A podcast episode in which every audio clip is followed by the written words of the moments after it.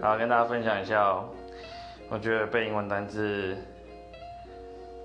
就是我自己的背法，就是不是不是不是一直去背那个单字本身，就是要有一个情境，比如说例句，用例句去背会比较好背。对，所以我觉得最好的背法就是看小说或者看美剧，然后你是有情境的把那个单字记下来，这样印象比较深刻。如果你只一直重复背一个单字，那你马上就会忘记了。